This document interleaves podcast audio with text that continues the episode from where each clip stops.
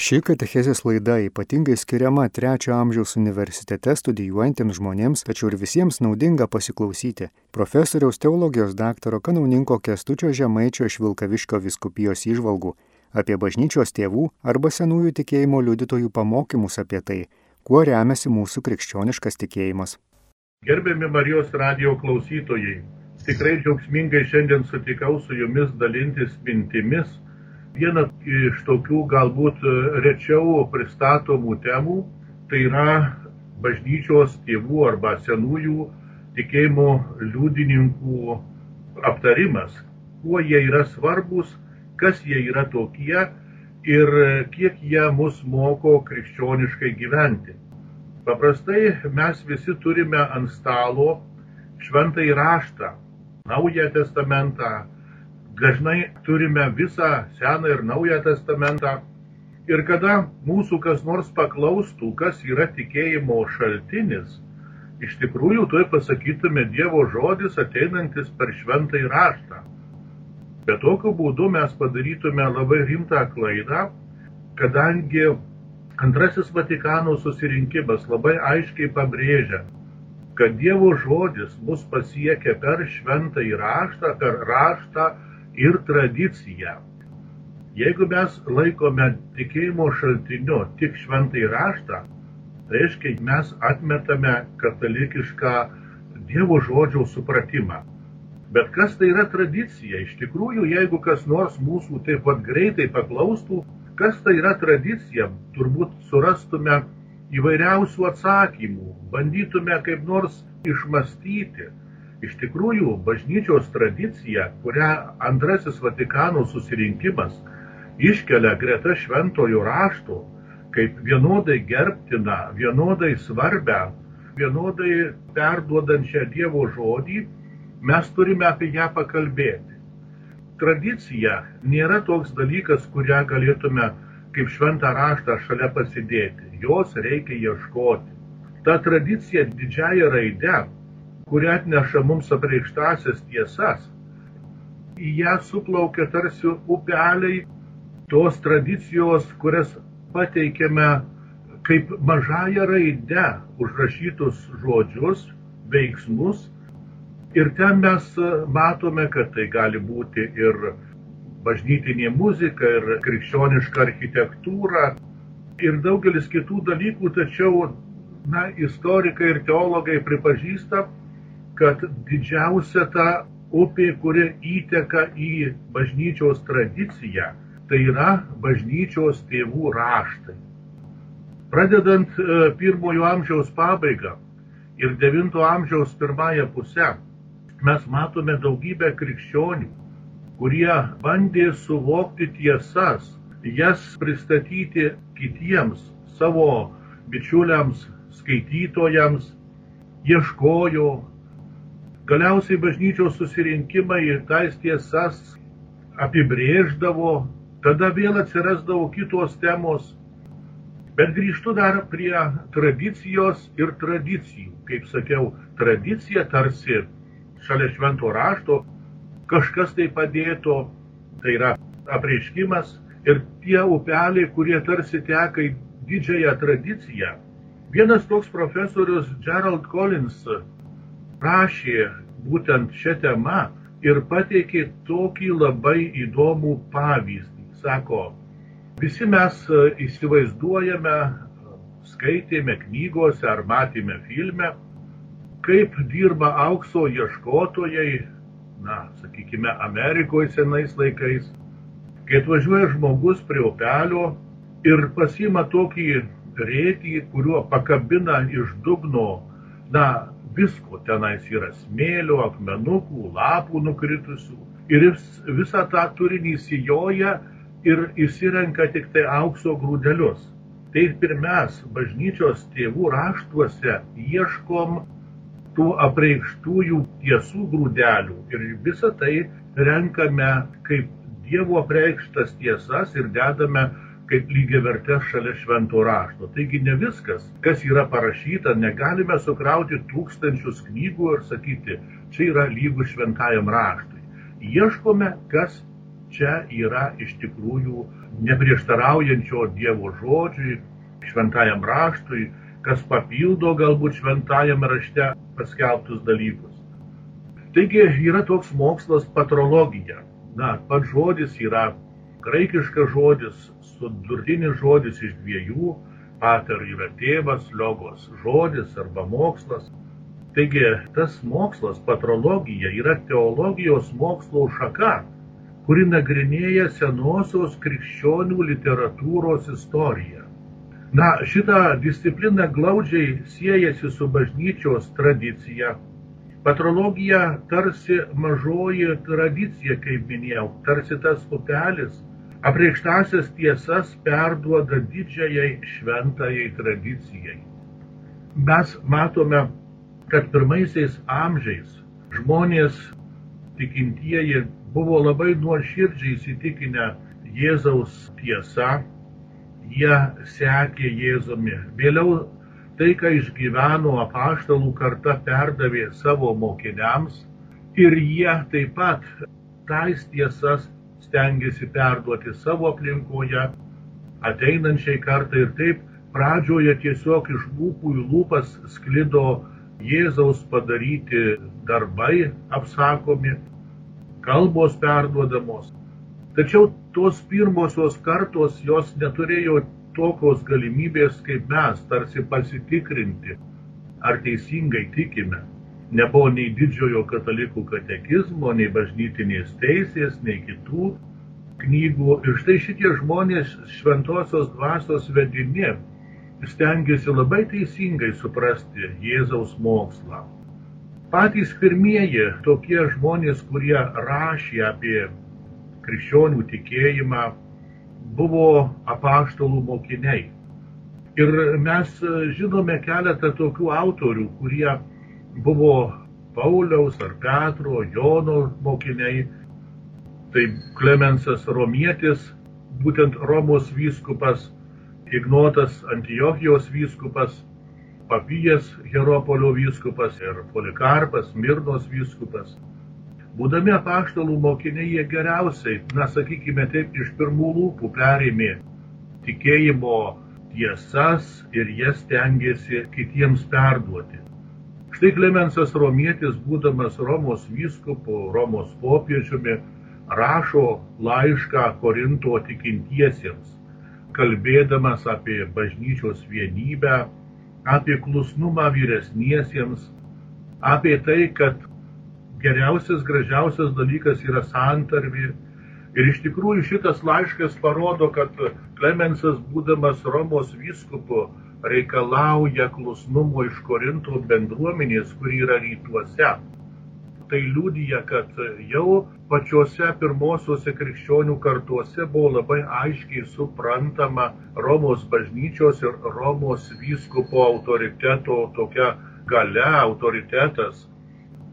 Toliau mes matome kitą labai svarbų tikėjimo liudytoje, tai yra Ignota iš Antiochijos, kuris buvo Antiochijos vyskupas tiesioginis na tenais šventojo Petro įpėdinis, kadangi Antiochija buvo vyskupija, kur pirmuoju vyskupu buvo paštalas Petras ir jisai palieka savo įpėdinio ignotą, o šitas tampa na, vienu iš svarbiausių Azijos bažnyčios autoritetų. Ignotas e, ilgai vadovavo Antiochijos vyskupijai Vėliau buvo suimtas, vežamas į Romą, tardyti, kankinti, ten jam buvo įvykdyta mirties bausmė, mirė kankinio mirtimi.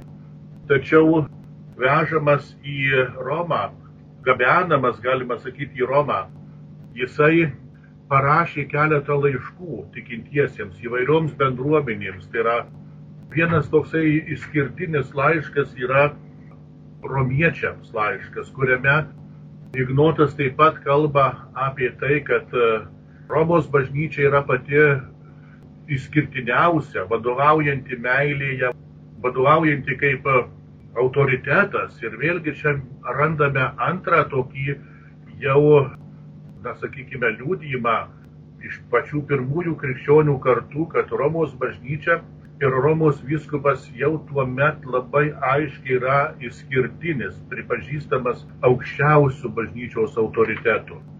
Mes matome ir kitus autorius, bet čia yra ir keletą veikalų, kurių autorių nežinome. Tai štai pavyzdžiui, sakykime, Didachė, pats pirmasis, ko gero, krikščioniškas raštas, žinoma, po apokrifų, po martirologijų aprašymo, kuriame nežinomas autorius graikų kalba, ko gero, sirų tautybės aprašo tai, koks turėtų būti krikščionių gyvenimas, kaip teisingai gyventi, kokio gyvenimo būdo vengti. Kalbame apie maldas, apie krikštą. Na, vienas iš galbūt gražiausių, labiausiai atkreiptinų į dėmesį būtų toksai hermo ganytojas. Šitame veikale menamas autorius Hermas, nors iš tikrųjų nėra žinoma šimtų procentų, kas yra iš to veikalo autorius, labai gražiai kalba apie atgailą.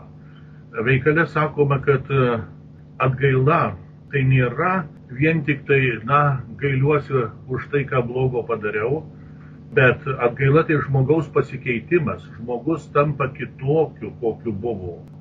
Tai yra tam tikra ir teologinė, ir pedagoginė prasme žmogus keičiasi, žmogus darosi geras. Šitame veikale labai įdomu, kad kalbama apie bažnyčią, kurios simbolis Hermo apokaliptinėme regėjime yra moteris. Kai kuo Hermas ilgiau kalbasi su moterimi, tuo jam bažnyčia darosi labiau suprantama, labiau patrauklesnė. Vėlgi tai galima būtų pritaikyti ir mūsų laikams, kad žmonės, kurie turi tokį tolimą ryšį su bažnyčia, nelabai gerai pažįsta bažnyčios mokymą, kartais netgi klaidingai daugelį dalykų supranta ir jiems bažnyčia atrodo tokia tolima ir svetima, šalta, Bet kuo labiau žmogus stengiasi įsigilinti, kas tai yra bažnyčia, pamato jos grožį ir, ir pamato tą nuostabų bažnyčios patrauklumą. Labai įdomus dalykai, kad šitame veikale Hermas kaip regėtojas gauna įvairius įsakymus ir patarimus. Čia, žinoma, daugelis tų įsakymų siejasi su dešimčia dievų įsakymų, su dekalogu, Tačiau štai toks dalykas - venkite liūdėsio. Tikrai yra nuostabus dalykas, kurį perteikia autorius. Tikrai liūdėsys nėra krikščionio ženklas, nusiminimas. Mes turime džiaugsmingai tikėti, džiaugsmingai vykdyti savo pareigas. Netgi tada, kai yra sunku, turime džiaugtis, kad viešpats yra šalia mūsų ir mes jo esame mylimi. Taigi tas toksai pirmasis laikotarpis, keliasdešimt metų maždaug nuo pirmojo amžiaus pradžios iki maždaug 130-40 metų yra toks tikėjimo liūdėjimas nuoširdus, paprastas liūdėjimas panašiai kaip apaštalų darbuose, apaštalų laiškuose, ypatingai Pauliaus laiškuose. Tačiau tuo metu bažnyčia susiduria su įvairiomis problemomis. Mes žinome, kad bažnyčia yra persekiojama, ir visuomenė, pagoniška visuomenė puola tokiu ideologiniu požiūriu bažnyčią. Ir judėjiškoji visuomenė laiko krikščionis kažkokią tai sektą. Ir dar labai svarbus dalykas, kad pačios bažnyčios viduje atsiranda asmenų, kurie bando kažkokiu būdu reformuoti tikėjimo tiesas, perkeisti kažkaip tai kitaip, klaidingai pateikti atsiranda pirmieji tokie, nesakykime, erezijų šidinėliai. Ir štai krikščionims reikia atsakyti į tuos klausimus. Ir atsiranda, na, jau teologija kaip e, mokslas tikrąją to žodžio prasme su įvairiais moksliniais metodais. Ir čia atsiranda tokia krikščioniška raštyje, kuri vadinasi apologetika. Apologija tai yra apgynimas. Reikia apginti savo tikėjimą, kad e, krikščionys yra tikrai sažiningi valstybės piliečiai, kad jie nekelia įtampos e, valstybėje. Krikščionims reikia atsakyti savo tikėjimo, sakykime, tėvams, judėjų pasaulio žmonėms, kad krikščionybė jau Senajame testamente savotiškai buvo išpranašauta ir, ir Senasis testamentas vedė į krikščionybę. Rašomi įrodymai, apginimai ir štai tada prasideda labai spartus teologijos vystymasis su apologetais. Ir štai čia pačius pirmuosius mes randame šventąjį Justiną, kuris buvo filosofas ir teologas, kuris paprastai, bet aiškiai ir moksliškai dėstė krikščionybės apgynimą Irenijėjų šventasis, Irenijėjus Ljono vyskupas. Na ir mes po to matome kitus, kaip Tacianas Sirietis, kaip Tertulijonas, žymusis apologetas teologas, kuris gimė apie 155 metus ir mirė apie 220 metus.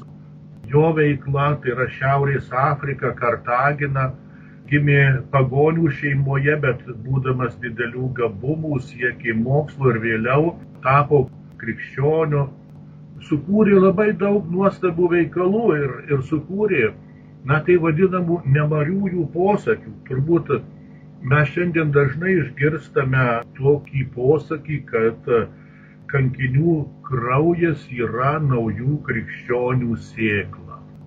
Ir tas posakis yra žinomas e, ir mūsų laikmetyje mes matome, ten, kur krikščionybė persekiojama, ten atsiranda naujų sekėjų. Galiausiai mes žvelgiame į savo istoriją, į karo laikus, į pokarį. Matome tokias aukas, kaip viskupas Borisevičius, daugybė kunigų, pasauliečių, bet jų, jų kraujas, jų kankinystė tapo pašaukimu kitiems žmonėms. Ir jeigu mes nagrinėtume daugelio, na sakykime, antro, trečio, ketvirto amžiaus krikščionių, žymių krikščionių rašytojų biografijas, matytume, kad daugelis iš jų atsivertė į krikščionybę, tapo krikščionimis, matydami krikščionių, kitų krikščionių kankinių heroizmą. Taigi tikėjimas buvo paliūdytas, užtvirtintas kančia ir tokiu būdu patraukė daugybę, daugybę netikinčiųjų. Štai šitas Tertulijonas, na, Dar vienas jo toks įdomus posakis, kad žmogaus siela iš prigimties yra krikščioniška. Jis apie tai rašo netgi viename veikale. Jo tokie gražiausi veikalai tai apie sielos liūdėjimą. Kitas veikalas tai yra laiškas kankiniams. Tertulionas rašo žmonėms, kurie yra tuo metu suimti, uždaryti ir laukia pagonių teismo be abejo. Jie visi yra susitaikę su ta mintimi, kad mirs kankinio mirtimi, na ir turbūt mums yra bent įsivaizduojamas toks jausmas, kur keliasdešimt arba keli šimtai žmonių uždaryti ir laukia, kada juos žiauriausiai nukankins ir Tertulionas jiems rašo laišką, bet taip jautriai, taip kaip, na, nuoširdžiausias brolis, kaip tėvas, pradeda žodžiais šį maisto siuntinuką garbingiai broliai, jums siunčia motina bažnyčia. Taigi Tertulionas rūpinasi ne vien tik paguosdamas, padrasindamas, bet ir duonos nusinčia, maisto nusinčia, kad tie kankiniai turėtų ką pavalgyti tais paskutinėsias dienas prieš savo mirtį.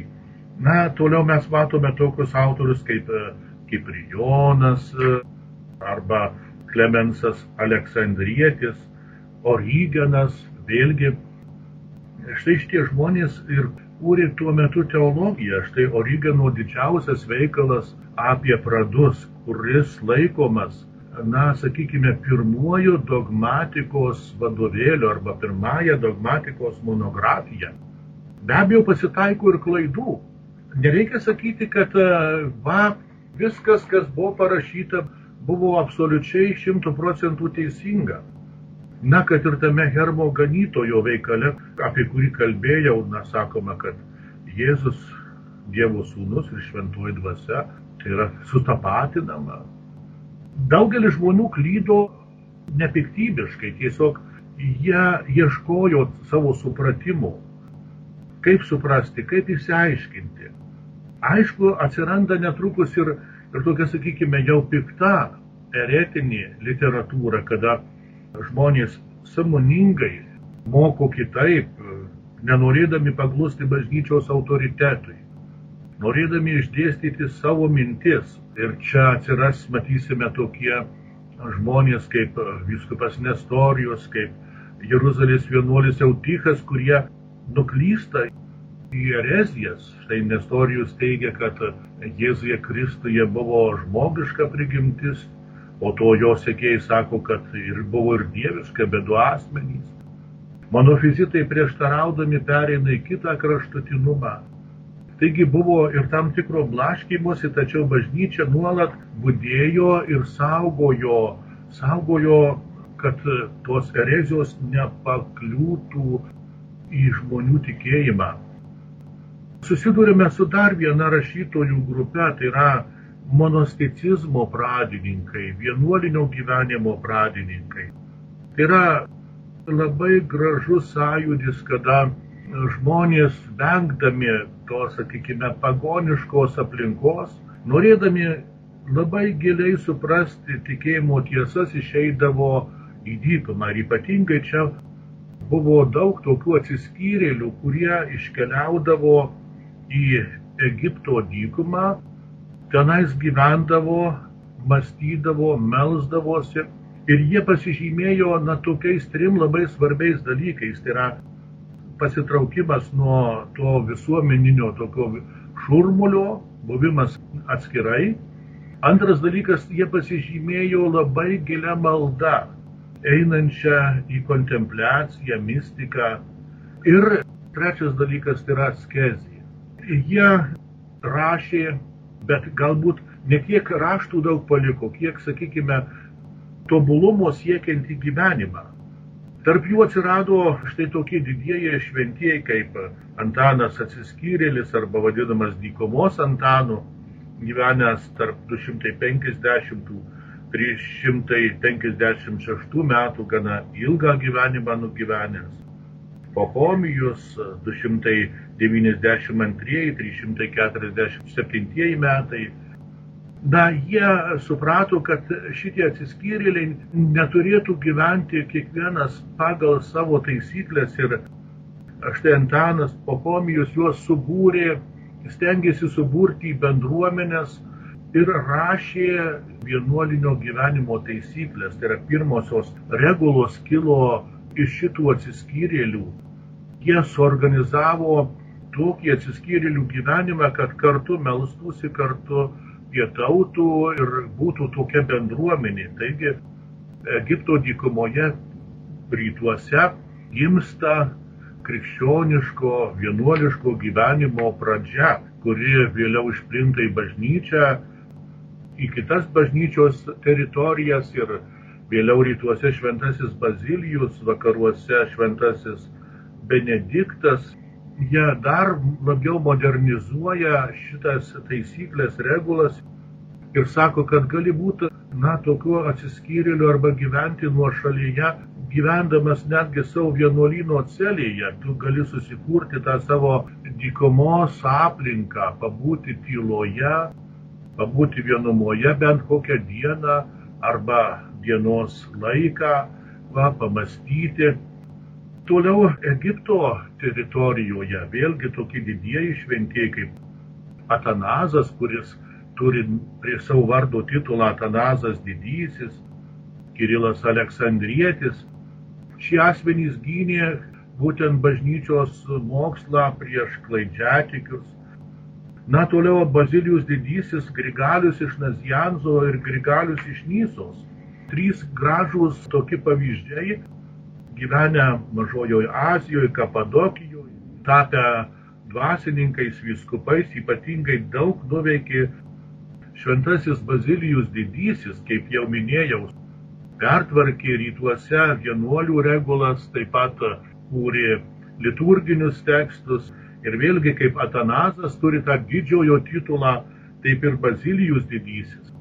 Štai su šitais žmonėmis prasideda tokia nu, jautri krikščioniška literatūra, kur kalbama apie Dievą kaip kūrėją, kaip menininką. Na, tas gėrio ir grožio supratimas rytų bažnyčioje, mes sakome, ir Dievas darė, te atsiranda ir te atsirado. Vėliau matome šventajame rašte užrašyta ir Dievas matė, kad tai yra gera. Na, kartai šie rytiečiai poetai sako, perfrazuoja šiuos Biblijos žodžius ir sako, ir Dievas matė, kad tai buvo gražu. Na, tai galima poetui pasakyti savo lyrinėme kūrinyje, perfrazuoti šiuos Biblijos žodžius, bet koks e, yra įdomus dalykas, gėris ir grožis neatskiriami dalykai, nes tai, kas yra gera, negali būti negražu, kas yra gera, yra gražu. Pavyzdžiui, Kirilas Jeruzalės vyskupas savo katechezėse rašo, štai citata iš jo katechezių. Stebėk pavasarį visų rūšių gėlės, jų augimo sąlygos tos pačios, bet kaip skirtingai jos atrodo, įsižiūrėk į gyvą rožės raudonumą, takinant į lelyjos baltumą. Viena ir kita yra iš to paties lietaus ir tos pačios žemės. Tas, kuris kūrybiškai tuos skirtumus padarė, įsidėmėk išmintį. Me pačiame medyje yra apsauginis lapų vainikas ir skirtingi vaisiai. Tuo paties vynmečio viena dalis tampa kūru, antra žalomis, trečia lapais, ketvirta openčiomis šakelėmis, penkta vynuogimis. Kirilas Dievą pavadina menininku. Turbūt retai kur vakaruose galėtume rasti tokį Dievo apibūdinimą. Rytietis labai subtiliai išvelgia tą Dievo kūrybos grožį. Kas yra sukurta, tai yra nuostabu ir gėlė, ir, ir medis, ir jūra. Pradžioje Domas ir Jėva rojuje gyveno, buvo nuogi, bet viskas, kas Dievo sukurta, yra teisingai sukurta. Ar pažįsti žmogau menininką, ar pastebi išmintingą sutvėrėją. Nuostabus parinių pasaulis, rašo Kirilas.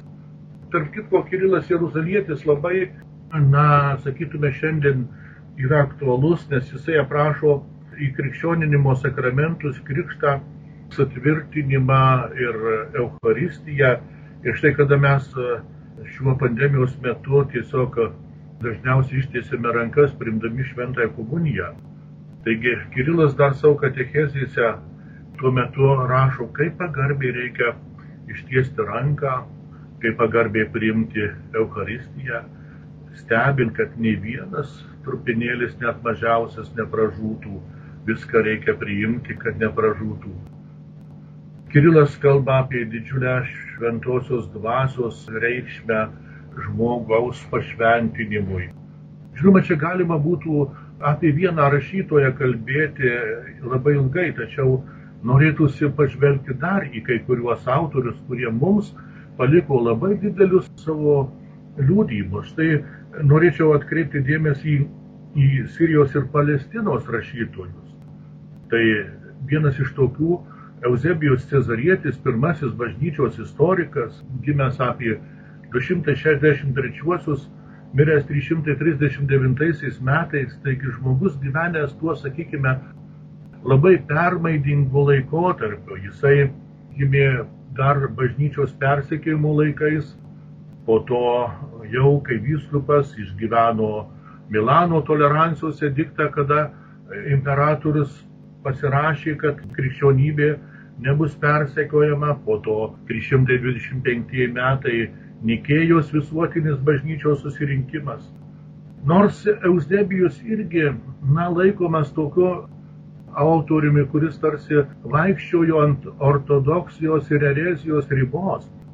Tačiau mums nuostabus yra jojo palikti raštai, ypatingai bažnyčios istorija, kurią mes galime net ir lietuvių kalba rasti perskaityti. Ji yra išversta, išleista leidykloje, graži knyga Ir štai Eusebijus tengiasi aprašyti viską, na, visus bažnyčios įvykius ir jis yra labai gerbtinas dėl to, kad naudoja daug e, kitų autorių minčių. Taigi iš jojo veikalo mes žinome ir apie kitus bažnyčios rašytojus. Eusebijus parašo ir kitus veikalus, kaip kronika, toliau Panfilijos gyvenimas. Taigi mes matome, kad čia ypatingai su Eusebijum Cezariečiu prasideda bažnyčios istorijos disciplina. Na, vėlgi sutinkame italų teologus, itališkos teologinės aplinkos. Ir čia vienas iš tokių, na, gražiausių pavyzdžių mums yra tai Ambroziejus iš Milanų, gimęs apie 339 metus, miręs 397 metais, jis buvo neįlinio imperatoriaus valdininko šeimoje gimęs žmogus, mokėsi Romoje, pats greitai taip pat kilo karjeros laiptais ir 375 metais Milane mirus vyskupui nuo tuo metu buvo kova tarp katalikų ir arijonų, ten vyskupo sostą buvo žemės arijonų vyskupas ir mirus šitam arijonų vyskupui liaudis norėjo išrinkti kitą vyskupą ir, ir kilo diskusijos, ar jonų kandidatas bus, ar katalikų ir dar Ambraziejus buvo neseniai pasikrikšties, tačiau liaudis jį išrenka ir jisai priima šventimus, tampa Milano vyskupu, parašo egzegetinių, moralinių, asketinių, dogmatinių veikalų. Na įdomu tai, kad Ambraziejus paskatina visą susirinkusią bendruomenę kartu gėdoti, kad visa susirinkusi liaudis bažnyčioje dalyvautų gėdodama mišiuose, gėdodama giesmės. Taigi tas bendras gėdojimas ateina nuo šventojo Ambraziejaus. Ambraziejus yra labai svarbus dar ir tuo, kad jojo pamokslų klausydamas šventasis Augustinas galiausiai apsisprendė. Buvo paskutinis lašas, kuris, sakykime, privertė Augustiną apsispręsti ir pasikrikštyti. Vėlgi matote, koks yra Ambroziejaus nuopelnas ir pavyzdys, kad kaip svarbu gerai paruoštas ir nuoširdus pamokslas, nes nežinai, gal ir šiuo metu yra bažnyčioje tarp žmonių toks asmuo, kuriam tavo žodis bus lemiamas jo gyvenime apsisprendžiant už tiesą, už teisingumą, už gerus darbus. Matot, mėly Marijos radio klausytojai, čia galima būtų kalbėti ir kalbėti, nes mes matome labai daug rašytojų palikusių nuostabių šedevrų, nuostabių turtų, kurie yra šiek tiek primiršti.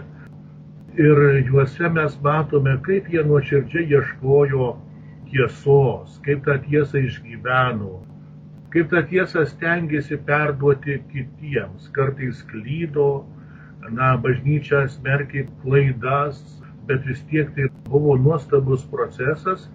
Ir šitų rašytojų veikaluose mes randame, kaip jau paskaitos pokalbio šio pradžioje, sakiau, tų aukso grūdelių tarp smėlio, tarp lapų, tarp akmenukų.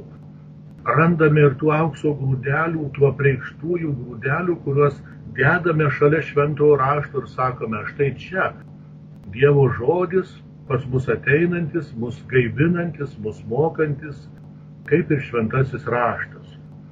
Taigi šitame trumpame pokalbyje mes maždaug nuo pirmojo amžiaus pabaigos, nuo tų pačių garbingiausiųjų rašytojų, apaštališkųjų bažnyčios tėvų, kaip pamenate, Klemenso Romiečio, Ignoto iš Antiochijos, Papijo iš Hieropolio, Polikarpo iš Smirnos, kurie buvo tiesioginiai apaštalų bičiuliai ir mokiniai, keliavome per keletą šimtmečių iš rytų į vakarus, Afrikos, Italijos aplinkos rašytojai.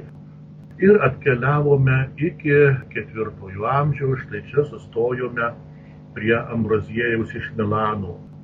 Aš tiesiog linkiu domėtis tais senųjų krikščionių raštais, na, galima kai ką jau rasti ir mūsų knygynuose ir bibliotekose, pagalvoti apie juos, galbūt paskaityti daugiau. Iš tikrųjų mes iš tų laikų turime labai daug šventųjų, bet šiek tiek gaila, kad pamirštų šventųjų, primirštų galbūt šventųjų, kurie kilo ir ne tik iš vakarinės bažnyčios dalies, bet ir iš rytinės bažnyčios dalies. Taigi, ačiū, kad klausėte.